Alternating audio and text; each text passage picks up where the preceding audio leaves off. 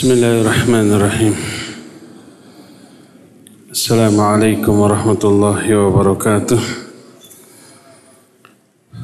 الحمد لله والصلاة والسلام على رسول الله محمد بن عبد الله وعلى آله وأصحابه ومواله ومن تبعهم بإحسان إلى يوم القيامة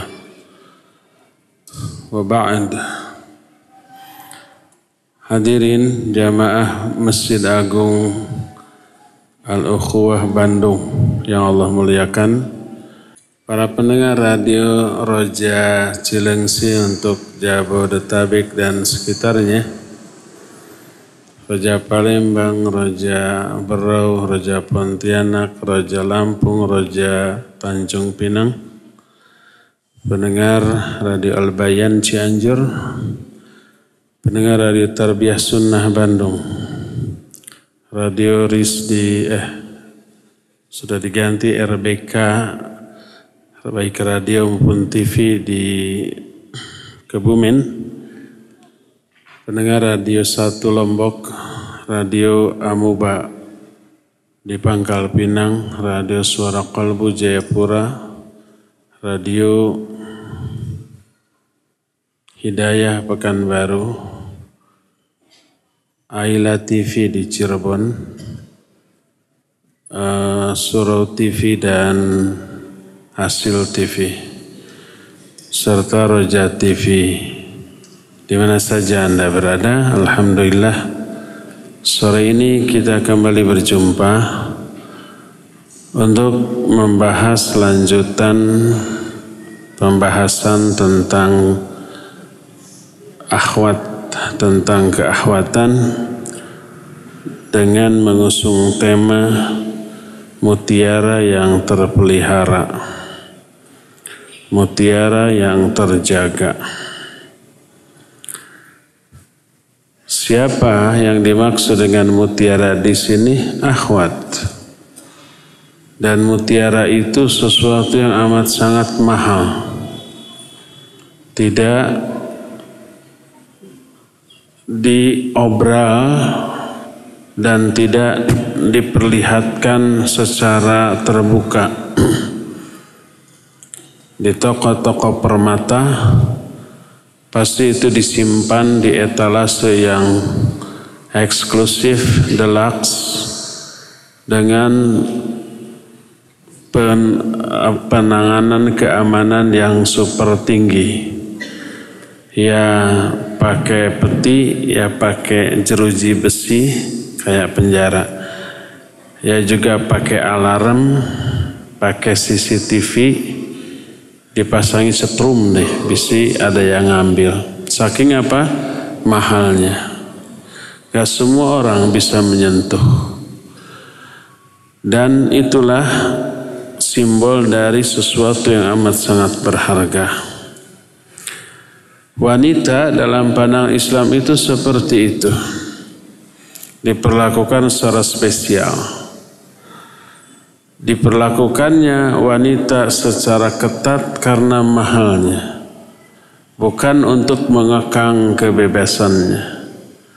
Tak ada seorang pun manusia yang berkomentar bahwa mutiara kemudian berlian disimpan di tempat yang agak tersembunyi, nggak sembarang orang lihat, nggak sembarang orang pegang, lalu dikomentari dengan komentar miring.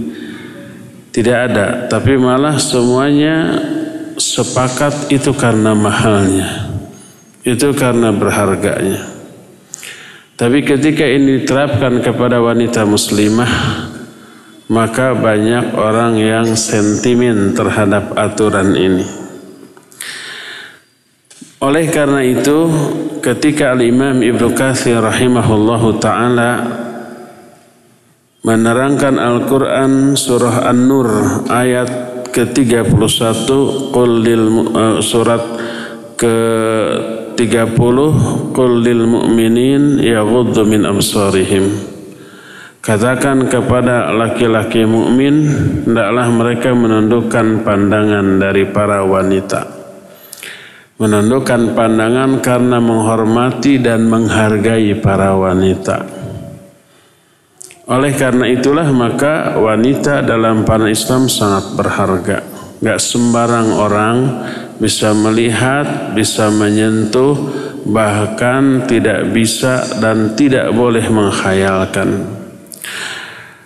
Oleh karena itulah Allah berfirman dalam Al-Quran qarna fi buyutikunna Hendaklah kalian diam di rumah-rumah kalian. Kalian di sini para wanita. Para ulama menyatakan waqarna berasal dari dari kata waqara. Makna waqara ay thaqula wastaqarra. Berat dan menetap dan dikatakan waqarna fi buyutikunna mengisyaratkan bahwa rumah merupakan tempat pokok kehidupan para wanita tempat menetap yang asal dan Tempat-tempat lainnya hanyalah didatangi kalau ada keperluan dan menetap di sana selama keperluan itu ada. Tidak lebih daripada itu. Tempat menetapnya wanita di rumah.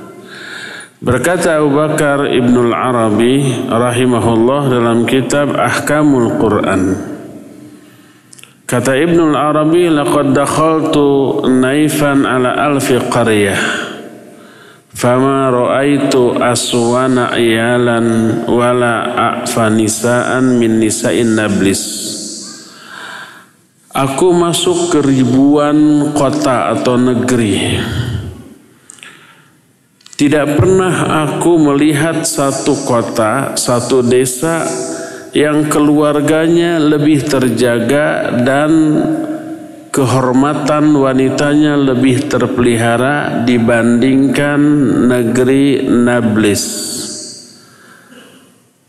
Fa inni aqamtu biha syahran. Aku tinggal di sana selama sebulan. Fama ra'aitu imra'atan fi tariqin naharan illa yaumal jum'ah. Fa innahunna yakhrujna ilaiha hatta yamtali'a minhunna.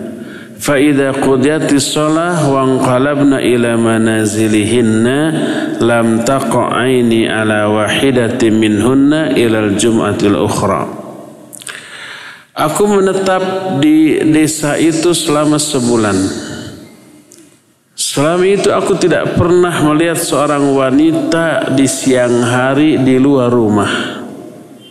Kecuali hari Jumat mereka semua keluar mendekati masjid untuk mendengarkan khutbah. Sampai sholat selesai mereka langsung pulang ke rumah mereka masing-masing dan aku tidak pernah melihat wanita lagi setelah itu sampai Jumat berikutnya oleh karena itulah maka disebut itu negeri yang paling memelihara istrinya dan paling memelihara kehormatan mereka. Apa yang dilakukan oleh para istri? Mereka fokus kepada dua hal. Pertama, berkhidmat kepada suami, melayani seluruh kebutuhan suami menyenangkan suami dan menjaga serta mendidik anak-anak mereka. Dari negeri itu lahir ulama-ulama besar di tangan pendidik-pendidik hebat. Itulah para wanita di zaman itu. Oleh karena itulah maka ketika wanita keluar rumah dua hak keluarga, hak suami dan anak-anak pasti terabaikan. Walaupun ketika wanita itu keluar rumah, umpai suaminya sedang tidak ada di rumah. Sedang bekerja mencari nafkah. Tapi apa yang terjadi pada diri wanita yang keluar rumah? mereka kelelahan, mereka capek, sampai ke rumah nggak maksimal. Beres-beres di rumah nggak maksimal karena lelahnya. Berkhidmah kepada suami tidak maksimal karena capeknya. Maka keluarnya para wanita dari rumah mengandung unsur tafrid dan tadiyah. Berkata para ulama, anna kathrata khurujil mar'ah fihi tafritun wa tadyi'un lil, lil azwaj wal aulad. Banyaknya para wanita keluar rumah di dalamnya terkandung tafrit dan tadyi'. Tafrit itu melalaikan. Tadyi' itu menyia-nyiakan hak suami dan hak anak-anak. Salah seorang istri Nabi alaihi salatu wasallam namanya Saudah. Saudah itu sepeninggal Nabi SAW tidak pernah melakukan haji dan umrah. Lalu ditanya oleh orang-orang malaki la tahujjina wa la ta'tamirin. Kenapa kamu tidak pernah haji, tidak pernah umrah? Berkata Saudah qad hajajtu wa tamartu wa amarani Allahu an uqira fi baiti fawallahi la akhruju min baiti hatta amut kata Saudah aku sudah pernah haji dan sudah pernah umrah. Jadi sudah terbebas dari kewajiban haji kewajiban umrah. Dan Allah memerintahkan aku untuk menetap di rumahku dan itu wajib. Haji kedua umrah kedua hukumnya apa? Sunnah. Yang pertamanya wajib, tapi itu sudah dilaksanakan. Allah memerintahkan aku untuk tetap di rumahku. Demi Allah, aku tidak pernah keluar dari rumah sampai aku mati. Maka dikatakan fawallahi fama kharajat min babi hujratiha hatta ukhrijat jinazatuha. Demi Allah, sejak saat itu Saudah tidak pernah keluar dari kamarnya sampai jenazahnya dikeluarkan dari kamarnya. Sampai mati nggak keluar-keluar. Kenapa Saudah demikian? Karena memenuhi seruan Allah dan Rasulnya yang memerintahkan untuk tetap tinggal di rumah. Berkata Saudah dan Zainab bin Jahash, Saudah dan Zainab dua-duanya istri Nabi alaihi salatu wassalam. Mereka berdua berkata, "Wallahi ma tuharrikuna dabah ba'da an sami'na dzalika min Rasulillah sallallahu alaihi wasallam." Demi Allah, kendaraan-kendaraan kami tidak pernah menggerakkan kami setelah kami mendengar ucapan dari Rasul sallallahu alaihi wasallam untuk tetap tinggal di rumah. Aisyah radhiyallahu anha ketika membaca ayat Al-Qur'an yang terdapat dalam surah Al-Ahzab 33 di dalam ayat itu Allah berfirman wa qarna fi buyutikunna wa la tabarrajna tabarrujal jahiliyatil ula Jangan kamu eh waqarna fi buyutikuna tetaplah kamu tinggal di rumah-rumah kalian. Wala tabarrajna tabarrujal jahiliyatil ula dan jangan kalian bertabarruj seperti tabarrujnya orang-orang jahiliyah zaman dahulu. Ketika membaca ayat ini bakat Aisyah menangis sampai kerudungnya basah oleh air matanya. Dan itu menunjukkan nangisnya itu bukan sekedar meleleh di pipi, apalagi sekedar kata orang Sunda rambisak. Rambisak itu apa? Tidak sekedar mata berkaca-kaca enggak gitu. Tapi deras air matanya mengalir sampai kain kerudungnya pun basah. Riwayat tentang hal itu dikeluarkan oleh Imam Ibnu Abi Syaibah dan Imam Ibnu Mundir dan Ibnu Sa'ad dalam kitab At-Tabaqat. Syariat tidak mengizinkan para istri Nabi untuk keluar kecuali untuk memenuhi hajat, memenuhi kebutuhan. Yang dimaksud memenuhi hajat atau kebutuhan itu BAB. Karena zaman bahula itu tidak ada WC di dalam rumah. Kalau mau BAB mereka harus keluar mencari tempat yang sepi yang agak tersembunyi baik karena ada batu atau ada tempat yang agak sedikit meninggi bisa berba, berlindung di baliknya lalu buang hajatlah mereka. Itu namanya baraz. Nah wanita para istri Nabi tidak diizinkan keluar kecuali untuk itu.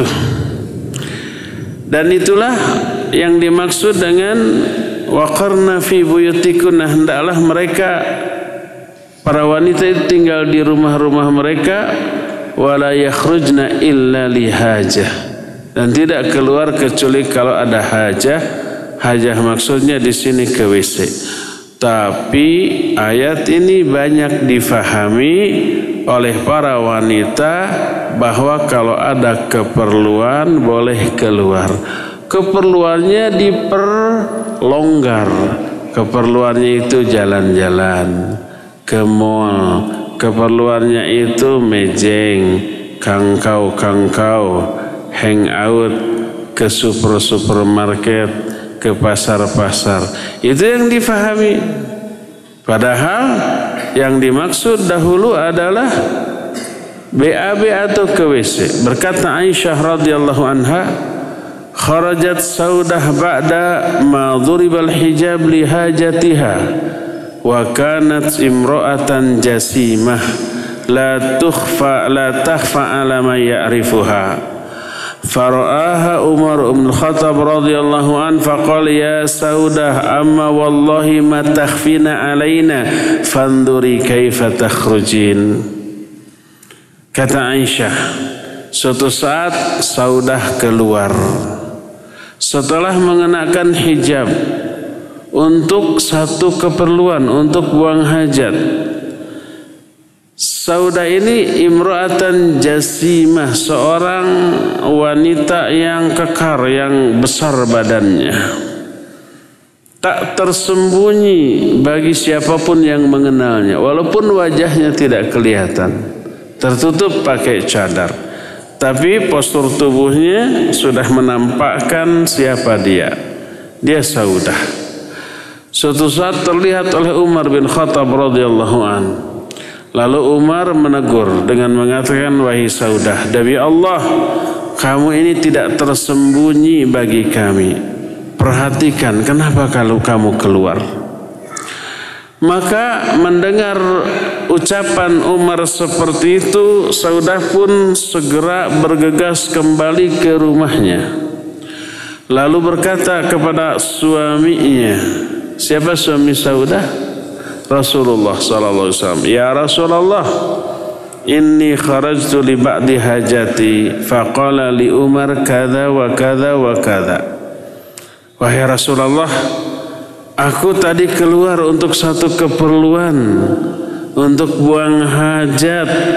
Tapi di jalan ketemu Umar Umar bilang begini begini begini.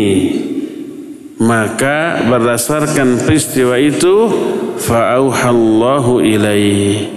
Allah memberi wahyu kepada Nabi sallallahu alaihi wasallam yaitu Al-Ahzab 33 wa qarna fi buyutikunna Lalu berkata Nabi SAW, Innahu qad udhina lakunna an takhrujna lihajatikin, lihajatikunna.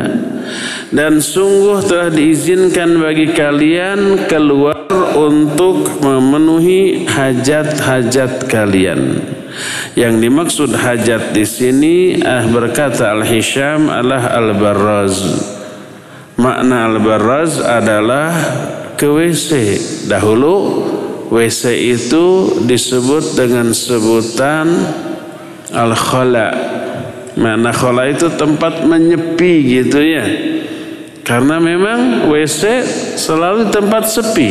Di tempat terbuka tapi zaman dahulu jarang orang terus tempat terbuka luas, mereka buang hajat ke tempat yang sepi. Maka disebutlah dengan sebutan khala. Karena sepinya tempat itu nggak ada orang, nggak ada yang ngeliat. Seperti zaman sekarang WC disebut dengan sebutan restroom, ruangan untuk istirahat. Padahal bukan istirahat, di sana sedang berjuang keras. Tapi memang nyaman. Kalau WC-nya enak nyaman ya. Di mall-mall, di bandara rada kurang. Terlalu sempitnya. Jadi yang dimaksud boleh keluar untuk keperluan maksudnya untuk ke WC ya. Falam yamna'hunna falam yam falam yumna'na min al-khuruj liqada'i hajatihinna min al-barraz. Mereka tidak terlarang untuk keluar untuk menunaikan hajat mereka berupa BAB ke WC tapi mereka di, diharuskan mengelurkan jilbab-jilbabnya. Sebagaimana dalam riwayat lain dikatakan inna azwajan nabi sallallahu alaihi wasallam kunna yakhrujna bil lail idza tabarrajna ila al manasi' wa huwa sa'idun afyah فكان عمر يقول للنبي صلى الله عليه وسلم احجب نساءك. فلم يكن رسول صلى الله عليه وسلم يفعل. فخرجت سودة بنت زعمة بنت زمعة. زوج النبي صلى الله عليه وسلم ليلة من الليالي عشاء وكانت امرأة طويلة. فناداها عمر. ala qad arafnaki ya saudah hirsan ala ayyanzil al hijab hijab fa'anzalallahu ayat al hijab Sesungguhnya para istri Nabi mereka suka keluar di malam hari untuk BAB. Biar gelap tidak kelihatan. Jadi kalau mau BAB ditunggu malam hari. Ya kecuali kalau kebelat-belat amat ya nggak bisa ditahan. Tapi umumnya mereka ke, ke keluar di malam hari untuk BAB. Pada saat itu Umar berkata kepada Nabi Shallallahu Alaihi e, kenakan hijab untuk istrimu. Maknanya diamkan istri-istrimu di rumah. Tapi Nabi Shallallahu Alaihi tidak melakukan itu. Suatu hari keluarlah Saudah binti Zam'ah, istri Nabi SAW di malam hari. Seusai Isya. Dia seorang wanita yang tinggi, selain tinggi besar. Dan dipergoki oleh Umar. Berkata Umar, kami mengenalmu hai Saudah. Selalu ditegur. Kenapa Umar begitu? Dia berharap turun ayat Allah tentang hijab, maka ternyata ya benar Allah menurunkan ayatnya tentang hijab. Hadis ini sahih diriwayatkan oleh Imam Bukhari dan Imam Muslim. Kedua, dibolehkan wanita keluar rumah selain untuk buang hajat, juga untuk melakukan sholat di masjid. Karena ketika turun ayat tentang hijab, para sahabat mulai membuat WC itu di dalam rumah-rumah mereka sendiri. Zaman bahula sudah ada sebagaimana penjelasan Imam Ibnu Hajar. Al-Asqalani rahimahullah kata Imam Ibnu Hajar khurujun nisa lil baraz lam yastamir. Bal ittakhadatil akhliyah fil buyut fastaghnina anil khuruj illa lid darurah keluarnya wanita untuk buang hajat untuk BAB itu tidak berlangsung lama karena mereka membuat WC di dalam rumah-rumah mereka sendiri. Maka mereka pun tidak memerlukan keluar rumah kecuali untuk kondisi-kondisi darurat. Itu pernyataan Imam Ibn Hajar dalam kitab Fathul Bari juz yang pertama halaman 250. Bahkan sebenarnya wanita pun tidak diizinkan keluar untuk sholat ke masjid kecuali dua waktu yang aman. Dua waktu yang aman itu adalah sholat isya dan sholat fajar, sholat subuh. Sebagaimana diterangkan di dalam beberapa riwayat. Pertama, hadis sahih riwayat Imam Muslim. Berkata Rasul sallallahu alaihi wasallam, "Ayyuma imra'atin asabat bakhura fala yashhadu ma'ana al-isya al-akhirah." Wanita mana saja yang mengenakan bakhur. Bakhur itu sejenis wangi-wangian. Kalau parfum biasanya diapakan? Disemprot atau dioleskan gitu ya. Kalau bakhur itu sesuatu yang dibakar. Lalu asapnya menimbulkan wangi. Asapnya itu suka sengaja dimasukkan ke dalam bajunya. Kemudian bajunya terkena asap itu. Lalu wangi. Kadang rambutnya juga ya apalagi wanita yang lebat rambutnya. Kalau laki-laki jenggotnya diasapin dengan asap dari bakhur. Sekarang bakhur masih banyak. Kalau umpah kita haji atau umroh itu di hampir di setiap di depan toko terutama toko yang menjual bakhur itu suka ada wadahnya. Wadahnya itu kayak tempat untuk untuk ngukus tuh apa? Untuk sesajian gitu ya. Nah gitu ada yang dipanaskan, ada yang pakai listrik.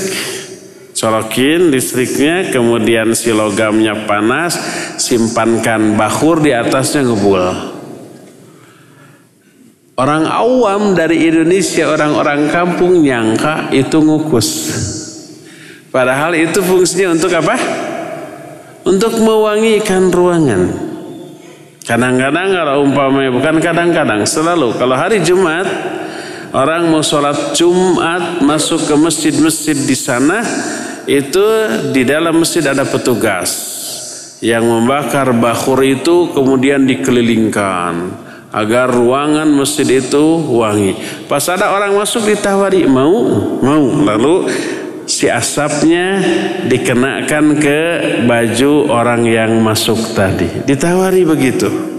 Dan itu salah satu khidmah atau servis melayani tamu ketika kita bertamu ke pribumi. Pribumi itu menawarkan bakur.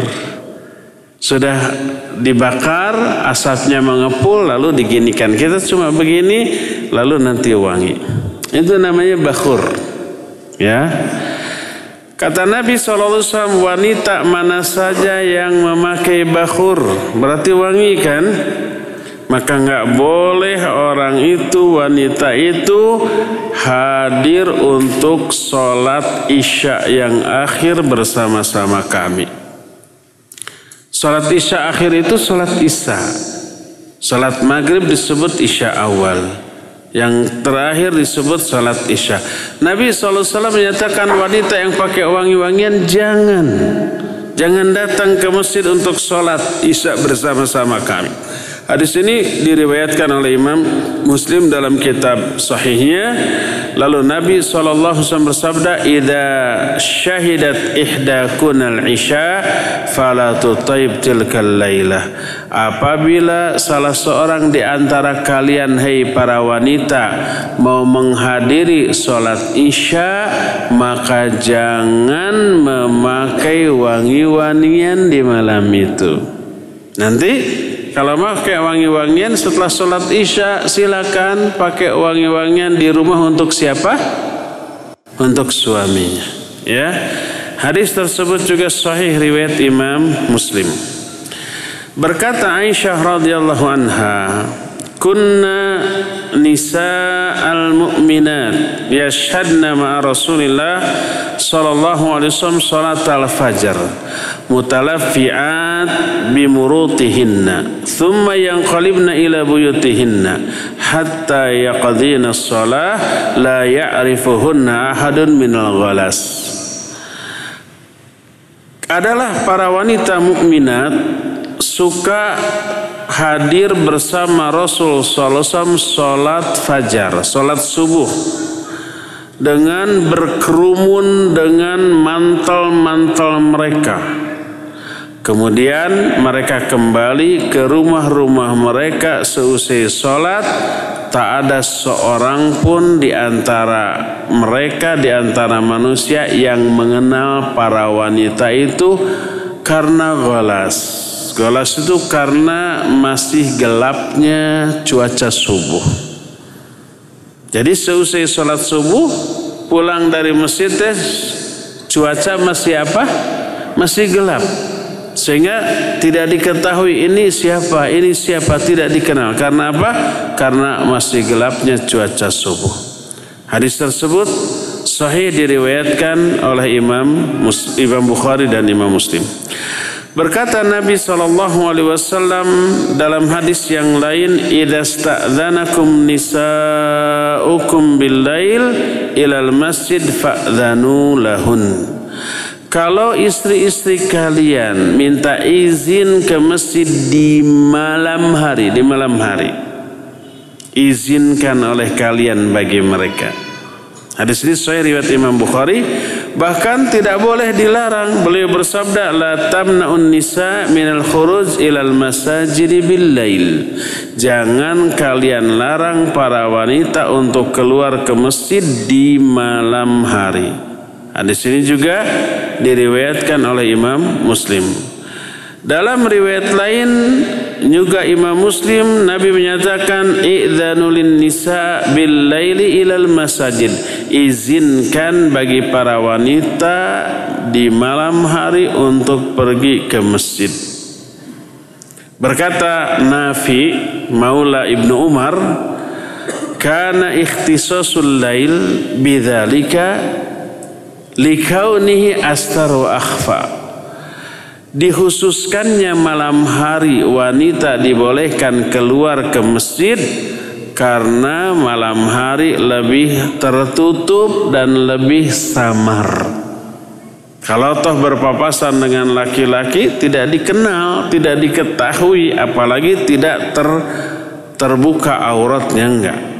Berkata Ibnu Abdul Bar, "Innama udzina lahunna musyahadatus salawati bil laila bin nahar wa qala ma'adzalik wa buyutuhunna khairul lahunna. Hanyalah diizinkan bagi para wanita pergi sholat untuk ke masjid hanya di malam hari dan bukan di siang hari sekalipun dibolehkan pergi ke masjid di malam hari salat-salat mereka di rumah mereka jauh lebih baik bagi mereka.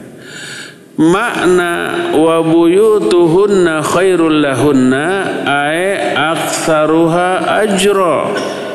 Rumah-rumah mereka lebih baik bagi mereka makna lebih baik itu lebih gede loh pahalanya daripada di masjid. Kalau akhwat berangkat ke masjid sholat berjamaah pahalanya besar. Kalau di masjid-masjid biasa 7, 27 kali lipat. Tapi kalau di rumah lebih lagi daripada itu. Kalau di Masjidil Haram wanita pergi ke Masjidil Haram berapa kali lipat? 100 ribu kali lipat. Tapi kalau mereka sholat di rumah-rumah mereka, pahalanya lebih gede lagi daripada itu. Ya, itu perkataan Imam Ibnu Abdul Bar yang menunjukkan bahwa yang dimaksud wanita boleh keluar untuk sholat ke masjid adalah di malam hari. Bukan di siang hari. Baik itu sholat subuh ataupun sholat Isya berdasarkan keterangan-keterangan yang tadi kita sudah sampaikan. Akan tetapi ketika keluar mereka itu tidak bisa sembarangan mengambil jalan menuju ke masjid. Mereka harus menjauhkan diri dari jalan yang biasa dilalui oleh para laki-laki sebagaimana diterangkan dalam salah satu riwayat lama kharaja Rasulullah sallallahu alaihi wasallam minal masjid فاختلط رجال مع النساء في الطريق فقال رسول الله صلى الله عليه وسلم استأخرنا فإنه ليس لكن أن تحققن الطريق عليكن بحافات الطريق Fakanatil mar'ah taltasiqu bil jidar hatta inna thawbaha yata'allaqu bil jidar min lusuqiha bihi. Ketika Nabi SAW keluar dari masjid, Terlihatlah laki-laki dan para wanita pagaliwota di jalan. Pagaliwota itu apanya? Hmm, berdesak-desakan di jalan. Jadi bareng kan keluarnya kan? Laki perempuan bareng keluarnya. Bareng pulangnya. Mereka tadi mereka ikhtilat di jalan maka berkata Rasul sallallahu alaihi wasallam kepada para wanita menepilah kalian hei para wanita sebab bukan hak bagi kalian untuk mengambil di tengah jalan. Kalian harus mengambil di sisi-sisi jalan Sampai para wanita menepi sampai menempelkan badan mereka ke dinding sehingga ada pakaian-pakaian mereka yang terkait di dinding-dinding bangunan saking nempelnya badan mereka ke dinding. Hadis tersebut diriwayatkan oleh Imam Abu Daud dalam kitab Sunannya dengan sanad yang sahih. Itu yang pertama, ketika pergi ke masjid di malam hari, ambil jalan yang tidak sampai berdesak-desakan dengan laki-laki. Ke pinggir. Kedua, jangan sampai menggunakan wangi-wangian. Baik wangi-wangiannya seperti zaman bahula pakai bakhur atau zaman sekarang pakai parfum baik yang dioles ataupun yang di yang disemprotkan. Selain dioles dan disemprotkan di apa lagi ya? Ya udah disoles atau disemprot. Baik ke pakaian ataupun ke ke badan. Itu pakai nanti di rumah untuk suaminya silahkan jangan sampai terbalik keluar pakai di dalam mah seadanya Seolah-olah dia itu ingin menyenangkan semua orang kecuali suaminya yang tidak mau dia senangkan ya terbalik. Suaminya yang lebih berhak atas dirinya daripada orang lain. Ketika keluar tidak boleh memakai wangi-wangian sebagaimana berkata Rasul sallallahu alaihi wasallam la tamna'u ima Allah masajid Allah walakin liyakhrujna wa hunnan wa hunna nafalat Kata Nabi SAW, jangan kalian larang para wanita dari masjid-masjid Allah, tapi hendaklah mereka keluar dalam keadaan nafalat. Makna nafalat ghairu mutatayyibat wala mutazayyinat. Tidak memakai wangi-wangian dan tidak berdandan sehingga tampil lebih menarik dibanding tidak berdandan. Ya. Bayangkan ini di malam hari. Gak boleh memakai wangi-wangian dan gak boleh berdandan. Apalagi di siang hari yang nampak, yang kelihatan. Kalau zaman sekarang kan para wanita dandan itu kalau mau keluar ya pakai bagi pakaian terbagus. Parfum dipakai pasakan keluar, bukan untuk di rumah. Make up dipakai ketika akan keluar rumah. Sehingga pas mau berangkat itu penampilan dia jauh lebih cantik daripada sehari-hari. Itu umumnya wanita sekarang dan ini terlarang. Jangankan demikian, kata Nabi SAW ketika wanita keluar untuk ke masjid di malam hari, isya atau subuh, ambil jalan menepi, jangan memakai wangi-wangian dan juga jangan berdandan. Sekalipun demikian, sekalipun para wanita itu dibolehkan keluar dari rumah untuk ke masjid pada waktu isya dan subuh.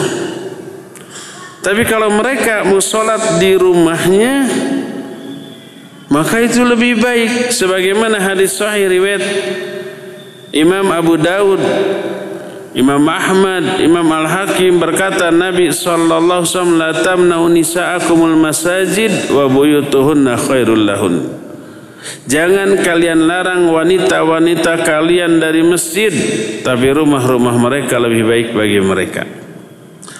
Padahal, padahal nih, solatnya mereka ke masjid itu diimami oleh sebaik-baik manusia Siapa saat itu? Ya Nabi Muhammad sallallahu alaihi wasallam.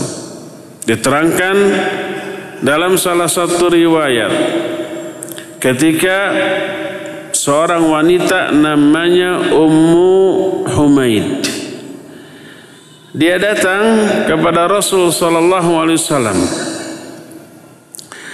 dia berkata, Ya Rasulullah inni uhibbus salata ma'ak. Ya Rasulullah saya sangat ingin salat bersamamu. Artinya di masjid ya, karena Nabi SAW tidak pernah salat fardu di rumahnya. Di masjid, saya ingin salat bersamamu. Apa kata Nabi SAW? Qad alimti annaki tuhibbina salah ma'i wa salatuki fi baituk fi baitiki khairun laki min salatiki fi hujratik. Wa salatuki fi hujratik khairun min salatiki fi darik. Wa salatuki fi darik khairun min salatiki fi masjid qaumik wa salatuki fi masjid qaumik khairul laki min salatika fi masjidi. Bayangkan Kata Nabi SAW, bukankah engkau tahu bahwa kamu sangat ingin sholat bersamamu, eh bersamaku, bersama aku itu bersama siapa? Bersama Rasul SAW. Padahal sholatmu di rumahmu lebih baik daripada sholatmu di ruang tamumu. Salatmu di ruang tamumu lebih baik daripada salatmu di, uh, di bukan di ruang tamu di ruang tengahmu ruang keluargamu. Salatmu di ruang keluarga lebih baik daripada di ruang tamumu. Salatmu di ruang tamu lebih baik daripada salatmu di masjid desa kamu dan sholatmu di masjid desa kamu lebih baik daripada sholatmu di masjidku ini masjid Nabawi. Padahal sholat di masjid Nabawi itu untuk laki-laki lebih utama berapa kali lipat? Seribu kali lipat dibanding masjid-masjid lain yang ada di sekitar sana. Tapi untuk wanita Sholat di masjid dekat rumahnya lebih baik daripada di tempat yang lebih jauh. Walaupun itu masjid Nabawi. Tapi sholat dia di ruang tamunya lebih baik daripada sholat di masjid. Sholat dia di, di ruang tengahnya, ruang keluarganya lebih baik daripada sholatnya di ruang tamunya. Dan sholat di kamarnya lebih baik daripada sholat di ruang keluarganya. Ya, seperti itulah yang dijelaskan oleh Rasulullah Sallallahu Alaihi Wasallam. Lalu apa yang terjadi? Fa umirat fabana laha fabunya laha masjidan fi aqsa syai'in min baitiha wa adlamahu fakana tusalli fihi hatta laqiyatillah azza wa jalla. maka Ummu Humaid selalu diperintahkan untuk lebih baik membangun masjid tempat sholat di salah satu pojok rumahnya. Lalu digelapin. Lalu dia sholat di sana sampai wafatnya. Terus tidak keluar lagi. Ya. Hadis ini diriwayatkan Imam Ibn Hibban dalam kitab Sahih Ibn Hibban dan juga diriwayatkan Imam Ahmad dalam kitab Musnad Imam Ahmad. Itu semua menunjukkan bahwa walaupun wanita boleh keluar dari rumah untuk sholat di masjid di malam hari, isya atau subuh boleh dan pahalanya besar, tapi sholat dia di rumahnya jauh lebih baik. Makna jauh lebih baik, pahalanya lebih lebih besar. Apakah ini termasuk bagi wanita yang ada di Mekah dan di Madinah? Iya, ucapan Nabi SAW yang menyatakan bahwa sholat mereka lebih baik daripada sholat di masjidku ini itu untuk penduduk Indonesia atau penduduk Bandung? Tentu saja untuk penduduk Madinah saat itu, termasuk juga untuk penduduk Mekah saat itu, apalagi penduduk di luar dua tempat itu ya. Salat mereka di rumah lebih baik daripada salat di masjid. Kalau di masjid seribu kali lipat, kalau di masjid Nabawi, di rumah lebih gede lagi. Kalau di Masjidil Haram 100 ribu kali lipat, maka di rumahnya lebih baik dan lebih besar lagi pahalanya daripada 100 ribu kali lipat. Ya, wallahu a'lam bishawab. Di antara dalil yang menunjukkan bahwa mereka itu tidak keluar secara bebas adalah di kalangan para wanita tidak seluruhnya memiliki jilbab untuk keluar. Mereka tidak merasa perlu memiliki jilbab untuk keluar.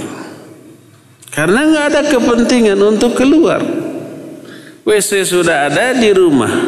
Setelah kata Imam Ibnu Hajar setelah adanya riwayat yang tadi. Mereka bikin WC di rumah. Nggak perlu lagi untuk keluar. Untuk apa? Maka di antara mereka ada yang merasa tidak perlu memiliki jilbab untuk keluar. Tapi ternyata ada momen-momen tertentu di mana mereka lebih baik keluar. Yang tidak punya jilbab dipinjamkan oleh yang punya jilbab lebih sebagaimana riwayat dari Ummu Atiyah radhiyallahu anha. Kata Ummu Atiyah amarna Rasulullah sallallahu alaihi wasallam an nakhruj an nukhrijahunna fil fitri wal adha. Al awatiq wal huyad wa dhawatil khudud. Wa amma al huyad fayatazilna as-salah wa yashhadna al ihdana la yakunu laha jilbab. Qal litulbisha ukhtuha min jilbabiha. Kata Ummu Atiyah, Rasul Shallallahu Alaihi Wasallam memerintahkan kami agar kami ini keluar pada waktu Idul Fitri dan Idul Adha untuk sholat id, ya, baik para gadis ataupun wanita-wanita yang haid para orang tua. Gadis orang tua orang wanita yang suci wanita yang haid semua suruh keluar ya. Adapun yang haid mereka menjauhi tempat sholat. Tidak ikut sholat dan mereka mendengarkan dakwah atau khutbah yang diberikan kepada kaum muslimin di dua sholat id itu. Sholat idul fitri idul adha Para wanita haid juga keluar mendengarkan khutbah. Tapi mereka tidak ikut tidak ikut salat karena haidnya. Berkata Ummu Atiyah wahai Rasulullah ada salah seorang di antara kami yang tidak memiliki jilbab untuk keluar. Gimana tuh? Kata Nabi SAW, hendaklah saudaranya yang punya meminjamkan jilbab untuknya. Jadi walaupun nggak punya jilbab, suruh keluar. Menunjukkan wajibnya menghadiri sholat id. Idul Fitri ataupun Idul Adha dan ini termasuk salah satu dalil yang dipegang oleh para ulama yang menyatakan hukum sholat id itu fardu ain wajib Siapa yang tidak maka dia berdosa. Ya. Siapa yang ada uzur tidak hadir karena sakit maka hendaklah dia sholat sendirian di, di dalam rumahnya. Di rumahnya sendiri karena uzur tadi ya. Menunjukkan apa? Wajibnya sholat id sampai-sampai wanita haid suruh keluar. Yang nggak punya jilbab suruh dipinjami oleh wanita yang punya kelebihan jilbab Hadis tersebut sahih riwayat Imam Bukhari dan Imam Muslim. Dalam lafaz Bukhari dikatakan ala ihdana alla ala ihdana ba'sun idza lam yakun laha jilbabun alla alla takhruj. Apakah kalau berdosa enggak bila salah seorang di antara wanita tidak punya jilbab lalu tidak keluar? Kata Nabi SAW litul bisa ukhtuha min jilbabiha. Hendaklah saudarinya yang punya jilbab meminjamkan jilbab kepadanya. Ini menunjukkan ya kalau dia tidak berusaha dia berdosa. Harus berusaha untuk keluar ya. Karena itulah maka Aisyah radhiyallahu anha sepeninggal Rasul sallallahu alaihi wasallam prihatin terhadap bebasnya para wanita keluar rumah untuk keperluan yang tidak daruri. Aisyah prihatin sampai-sampai beliau berkomentar lau anna Rasul sallallahu wasallam ra'a ma ahdatsan nisa lamana'ahunna al-masjid kama muniat nisa'u bani Israel. Seandainya Rasul sallallahu alaihi wasallam melihat apa yang diada-adakan oleh para wanita zaman sekarang pasti beliau akan melarang para wanita untuk pergi ke masjid sebagaimana telah dilarangnya para wanita Bani Israel zaman bahela. Bayangkan di zaman Aisyah masih hidup dan Isa Aisyah hidupnya puluhan tahun sepeninggal Nabi wafat. Aisyah melihat para wanita banyak keluar untuk ke masjid, untuk ke masjid. Tapi ketika pergi ke masjid, qayyid yang tadi tidak diperhatikan. Syarat-syarat yang tadi tidak diperhatikan ya. Mungkin ada yang berdandan mungkin mereka ikhtilaf mungkin ada yang memakai wangi-wangian. Tidak diperhatikan sehingga berkata Aisyah seandainya Rasul sallallahu wasallam melihat apa yang dilakukan oleh wanita zaman kini pasti beliau akan melarang para wanita dari masjid. Jangan ke, ke, pergi ke masjid sudah di rumah saja. Yang dimaksud zaman kiwari tersebut adalah zaman ketika Aisyah masih hidup. Sekitar 1400 tahun yang lalu. Bayangkan wanita zaman sekarang keluarnya bukan sekedar ke masjid semata-mata ya. Tapi ke mana-mana. Ke masjid nama sebentar lah. Kalau toh ada pengajian dua jam gitu ya paling di masjidnya mas setengah jam ya datang telat gitu ya pas tanya jawab pulang biasanya begitu izinnya ke orang tua mau kajian di masjid ya berapa lama ya dua jam dengan perjalanan empat jam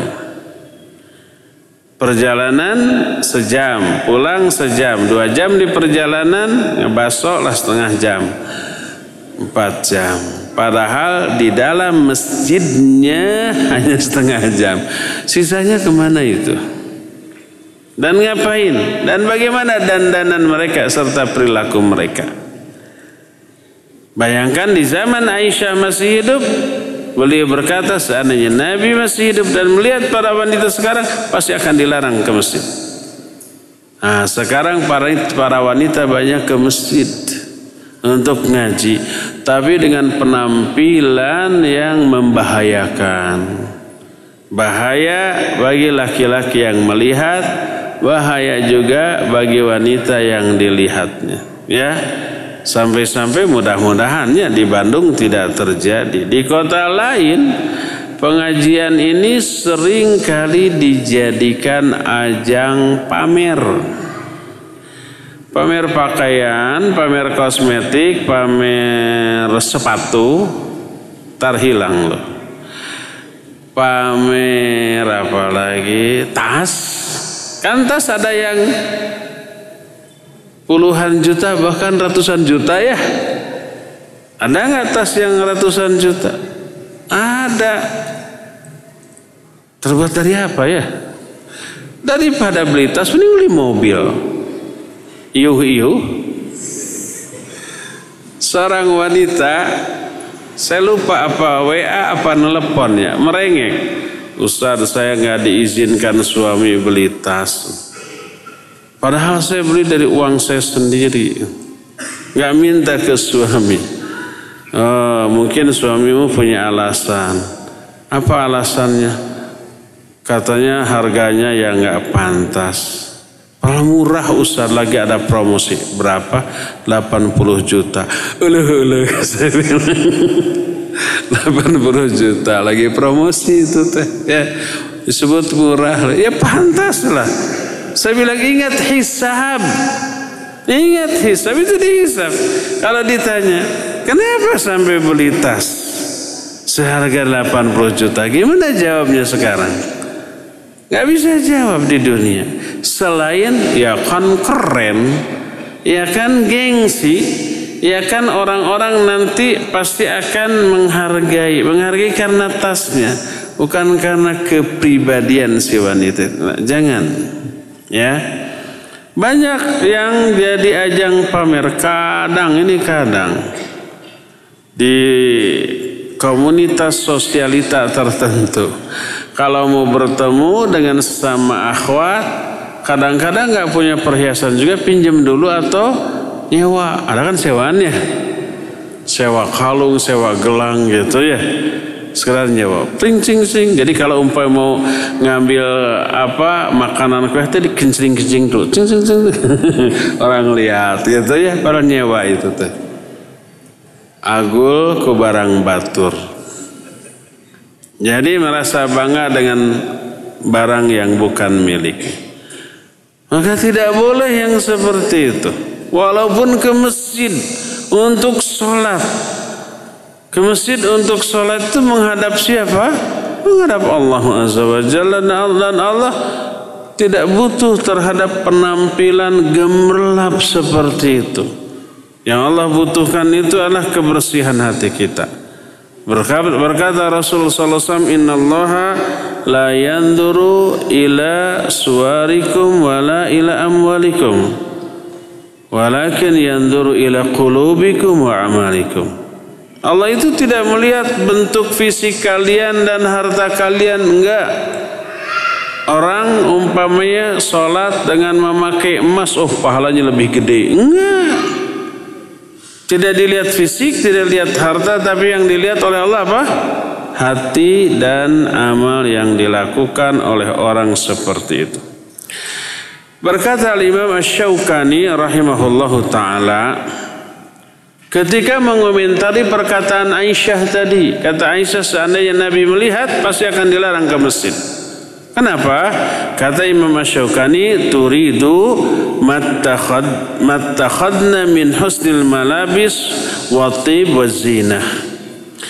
Itu Aisyah maksud Aisyah berkata gitu karena bagusnya pakaian para wanita ketika itu parfum dan juga dandanan. Perkataan Imam Ash-Shawqani cantum dalam kitab Nail Autor juz 3 halaman 162 ya yang menunjukkan bahwa itulah penyebab kenapa Aisyah sampai berkata bahwa Nabi pasti melarang para wanita dari masjid karena penampilannya seperti itu. Dari Abu Amr Asy-Syaibani dia berkata, Ra'aitu Ibn Mas'ud yahsibun nisaa yakhruj yukhrijuh yukhrijuhunna minal mas minal masjid yaumal jum'ah wa yaqul sallina fi buyutikun Kata Abu Amr Asy-Syaibani, dia seorang ulama tabi'in, aku melihat Ibnu Mas'ud mengusir, mengumpulkan para wanita dari masjid dan menyuruh mereka keluar dari masjid di hari Jumat. Lalu berkata Ibnu Mas'ud, Solatlah kalian di rumah-rumah kalian.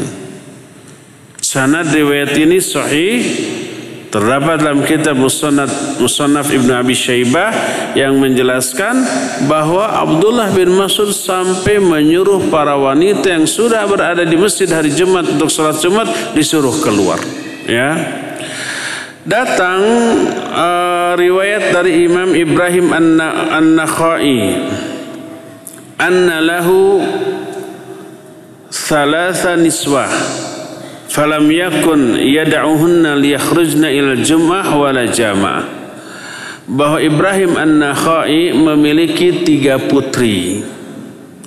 Tak pernah beliau membiarkan ketiga putrinya keluar dari rumah baik untuk sholat Jumat ataupun sholat berjamaah dari Al-Qamah dan Al-Aswad annahuma kana yukhrijani nisa'ahuma fil idain wa yamna'ani wa yamna'anihinna minal jum'ah. Al-Qamah dan Al-Aswad kedua-duanya membawa istri-istrinya keluar hanya untuk dua solat id idul fitri dan idul adha dan kedua-duanya melarang para istrinya dari solat jumat. Urwah bin Zubair annahu kana la yadau imra'atan min ahlihi takhruju ilal fitri wala ilal adha. Bahkan Urwah bin Zubair dia tidak membiarkan istrinya keluar untuk sholat idul fitri bahkan juga idul adha. Berkata Ibnu Munzir dari Yahya bin Said al-Ansari, La na'rifu khurujal mar'ah asyabah indana fil idain kami tidak mengenal kebiasaan keluarnya para pemudi pada waktu sholat idul fitri dan idul adha. Para pemudi tidak keluar, diam mereka di rumah-rumahnya. Berkata Imam Sufyan Ats-Tsauri, Akrahul yawma lin nisa al-khuruj ilal idain. Aku membenci hari para wanita keluar untuk sholat id idul fitri dan idul adha wa qal laisa lil mar'a khairun min baitiha wa in kanat ajuza. Kata beliau tidak ada kebaikan bagi para wanita untuk keluar rumah untuk sholat id sekalipun dia ini wanita ajuz ajuz itu yang sudah tua ya jadi ini saking apanya? Saking para ulama zaman bahula menganggap begitu berharganya para istrinya agar tidak menjadi fitnah bagi laki-laki bahkan mereka melarang para wanita baik istri atau putrinya untuk sholat berjamaah di masjid bahkan sholat Jumat bahkan sebagian ada yang melarang juga sholat id ini menunjukkan betapa berharganya mereka dan betapa berisikonya membiarkan mereka keluar dari rumah sekalipun untuk melakukan ibadah. Ya, apakah mutlak terlarang? Ternyata ada momen-momen tertentu yang menjelaskan bahwa wanita boleh keluar baik bolehnya itu mubah bahkan mustahab. Mustahab itu apa? Sunnah. Dengan beberapa syarat tertentu.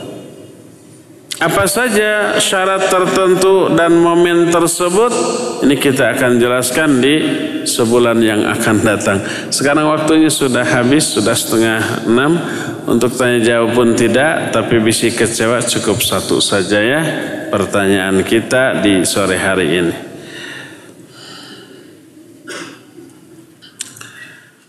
Apakah wanita bebas keluar rumah jika dengan suami atau ada batasan juga? Ini nanti akan dibahas ya. Sabar.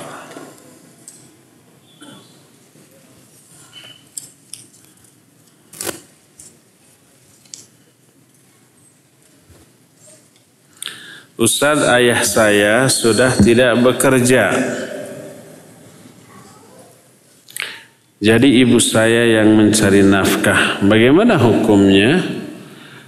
Kenapa dulu ada alasan nggak? Kalau nggak ada alasan cuma malas, dia berdosa.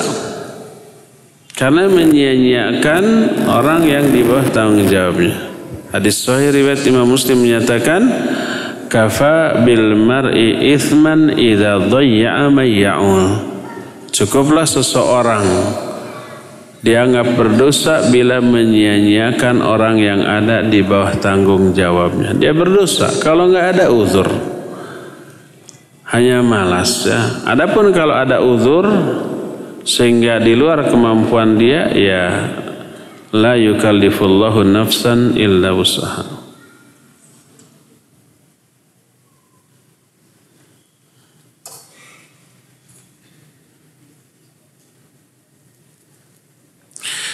Bagaimana cara menasihati teman akhwat kelas anak yang suka dandan? Nasihati itu bisa membuat orang bermaksiat karena dandanannya. Bukan satu dua orang puluhan. Setiap lelaki yang berpapasan dengan dia melotot. Dia berdosa, wanita itu juga berdosa. Tidak melihat tercium harumnya, hmm, gitu ya. Menghayal dia berdosa, wanita itu juga berdosa ya. Jadi dosanya itu dipikulkan kepada si wanita tersebut. Selain masing-masing lelaki yang menatapnya juga berdosa. Mau nggak kayak gitu? Kalau nggak mau ya jangan ya. Dandannya nanti tunda untuk siapa? Suaminya.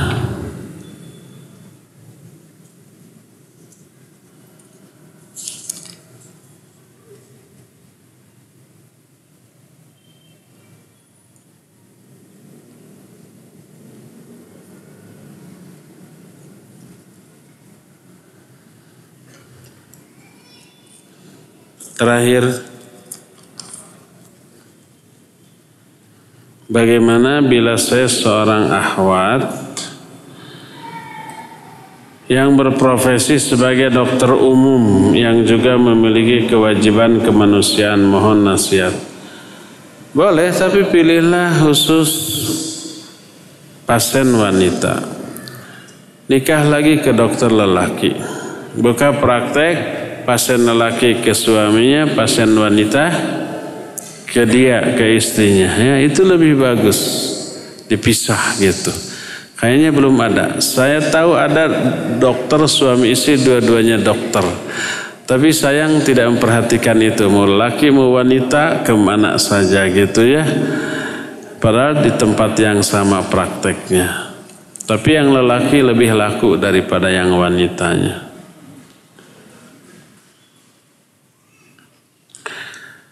Ustadz fenomena saat ini banyak ahwat yang suka lama-lama belanja dan berdiam diri di kafe tempat makan sambil diskusi dan suka mengikuti antrian untuk dapat makanan gratis. Yang mana makan di sana ada musik campur baur. Lebih baik dibungkus bawa ke rumah makan di rumah. Bebas ya itu yang paling selamat dari segala segi. Cukup sampai di sini insya Allah kita jumpa kembali sebulan yang akan datang. Subhanakallahum bihamdik. Asyhadu an la ilaha illa anta astaghfiruka wa atubu ilaik. Alhamdulillah rabbil alamin. Wassalamualaikum warahmatullahi wabarakatuh.